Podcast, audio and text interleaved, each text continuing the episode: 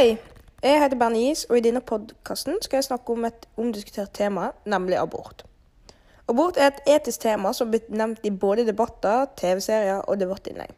Det er et stort inngrep som, ut, som går utover både foster og kvinner. Men det etiske spørsmålet jeg skal fokusere på i dag, er det om det er etisk riktig å avbryte et svangerskap, eller om burde, fosterets rettigheter burde bli verva. Men før vi begynner å gå inn på uh, det etiske temaet abort, så er det kanskje greit å vite hva abort er. Abort er jo da en avbrytelse av svangerskapet. Man pleier da å skille mellom spontanabort og provosert abort. Spontanabort er om kroppen sjøl frastøter fosteret og svangerskapet såleis avbrytes. Men ved provosert abort avbrytes svangerskapet ved forskjellige medikamenter eller et kirurgisk inngrep. Tidlig i svangerskap er det vanlig å ta medikamenter eh, for å fjerne barnet fra mors liv, mens i senere i svangerskapet er det nødvendig med kirurgiske inngrep for at det skal være trygt for både kvinner og fosteret. Eh, først i 1978 ble loven om selvbestemt abort vedtatt. For da fikk kvinner ta avgjørelsen om abort som du kunne utføre før utgangen av tolvte uke i svangerskapet. Alle kvinner som oppholder seg i Norge, har rett til å få utført abort, enten om det er selvbestemt eller om det er behandling i nemnd. Eh, abort er gratis for kvinner som er bosatt i Norge. Eh, nå har jeg i hvert fall snakka litt om hva abort er, og hvordan abort er i Norge. Så nå tenkte jeg at jeg skulle gå inn på det mest omdiskuterte spørsmålet. Når blir det egentlig regna som et liv? Og da vil jeg først forklare litt om eh, når eller hvor langt fosteret er blitt i allerede uke tolv, og se hva forskjellige livssyn, da, nei, forskjellige religioner tenker om det. Uh, og Da kan jo jeg starte med at i uke tolv uh, utgjør fosterhodet halve kroppslengden. Både nese, munnhule, tunge og taggknoppene, hvor melketennene skal komme ned, da, er allerede kommet på plass. Strupen og stambåndene er allerede begynt å forme seg, og fosteret har begynt å få reflekser og det øver seg allerede på å svelge fostervann. Det kan òg suge og gjespe. Ifølge forskning viser det at fosterets hjerte banker etter noen få dager etter at fosteret er blitt til. Folk har jo da forskjellige meninger om det blir regna som et liv. Noen regner jo med det som et liv fra da hjertet starter å bli pumpa, mens andre mener at det ikke er et liv før man faktisk kan se at det er et menneske. Den katolske kirkas syn er at abort er ikke forbudt, men altså en alvorlig synd. Selv ved fare for morens liv eller helse vil det bli ansett som en synd med provosert abort. Livet anses som hellig og ukrenkelig med besjeling og et menneskeverd fra befolkningen av. Det vil si at Den katolske kirka er ikke motstander eh, Nei, jo, de er mot... I Den katolske kirka er motstandere av abort fordi de mener at liv er hellig. Men hvis du ser bort på humanetisk eh, livssyn, så mener jo de at det er det enkeltmenneskets rett å bestemme over egen kropp, og et liv står sentralt i humanistisk menneskesyn. Da er jo det mennesket som står i fokus. Og da når de kommer da frem til abort, så mener jeg at det er vanskelig å se at det er noen andre enn kvinnen sjøl som bærer barnet, som kan fatte beslutningen av om den skal ta abort eller ikke. Så Human-Etisk Forbund støtter da retten til selvbestemt abort og dagens abortlov. Mens f.eks. i buddhismen så lever de etter Buddhas første regel, og der regelen sier jo at man ikke kan ta et liv. Grunnen er fordi at de mener at foster er et liv fra dagen, men at det er et individuelt valg, fordi alle mennesker er jo forskjellige. Men allikevel er det sånn at i buddhismen er, jo det, er de imot å ha uansvarlig samleie, så det er opp til deg som person å velge hva du vil gjøre.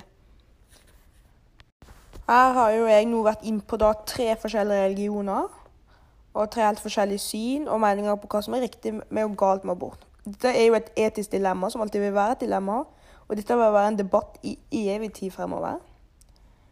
Og det er jo eh, opp til hver person hvordan en vil leve opp etter hvilket livssyn man vil leve opp etter, og hvilke meninger man har om det. Man vil aldri finne ut et svar eller bli enige om hva som er riktig eller galt med abort. Eh, fordeler med abort er jo at kvinner som ikke har mulighet for å ta vare på barnet Det kan jo være forskjellige grunner til det. Det kan jo være alder, økonomi og fattigdom. Så vil abort være en god ting, slik at det ikke lager livet vanskeligere for kvinner allerede enn det. Dette er for å unngå at siden kvinner ikke klarer å ta vare på seg sjøl, så vil de mest sannsynlig ikke klare å ta vare på et annet barn heller. Og da vil gi større sjanse for at ungen får dårlige levevilkår og ikke får vokse opp under gode forhold. Hvis en kvinne har blitt voldtatt, så syns jeg dette er en god grunn for å kunne ta abort.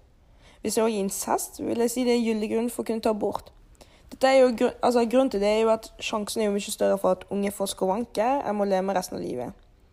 Om kvinnen da f.eks. ikke greier å ta vare på seg sjøl grunnet forskjellige årsaker, hvordan skal kvinnen ta hånd om et nytt barn? Og spesielt med skavanker en kanskje må leve med resten av livet. Eh, det å ta abort er jo en konsekvens for både kvinnen eh, fysisk og psykisk. Det kan skade kvinner om det blir gjort etter for lang tid eller på feil måte. Når det gjelder psykisk, er det et tøft valg. Og det er noe man kan kjenne på resten av livet. Han avbryter livsprosessen til et foster som kunne ha vokst opp, og det kunne ha blitt noe, og det kunne blitt noe du kunne ha blitt glad i. Ulempen med abort er jo at i andre land koster jo det en del, spesielt etter større foster er blitt. Ofte er det mange som sitter igjen med skyldfølelse med å føle de har drept et barn. Ulempen med abort kan også være at det kan skje komplikasjoner. Mer sjeldent enn ofte, men det kan alltid skje. For eksempel Texas, da. De har jo da USAs strengeste abortlov. Og i Texas fremover blir det forbudt med abort etter sjette uke. Selv om graviditeten er for et resultat av voldtekt eller incest. Dette er jo ofte knapt nok tid til å finne ut om man, man er gravid, eh, da man kanskje ikke får symptomer som vil tilsi at du er gravid. Ikke alle som får det før etter kanskje seinere etter sjette uke, da. Og privatpersoner kan jo også bli saksøkt hvis de kjører noe til klinikken eller formidler telefonnummer, eller i hele tatt hjelper de til å utføre aborter. da. det eneste unntaket de kan få for å få innvilget et abort, er at i uke seks, hvis svangerskapet er noe som truer mora sitt liv, da, eller kvinnen sitt liv. Og eh, uansett om det er voldtekt eller incest eller noe annet som har skjedd, så anses ikke det som godkjent grunn til å kunne ta ham bort. Denne regelen gjør jo at eh, Denne regelen i Texas gjør jo til at, retten, at de tar vekk regelen over å bestemme over egen kropp. Og staten tar jo òg vekk muligheten for at ja, gravide kvinner eller par som ikke ønsker seg barn, må få barn, og da ta hånd om et barn som de ikke er klar for, ikke har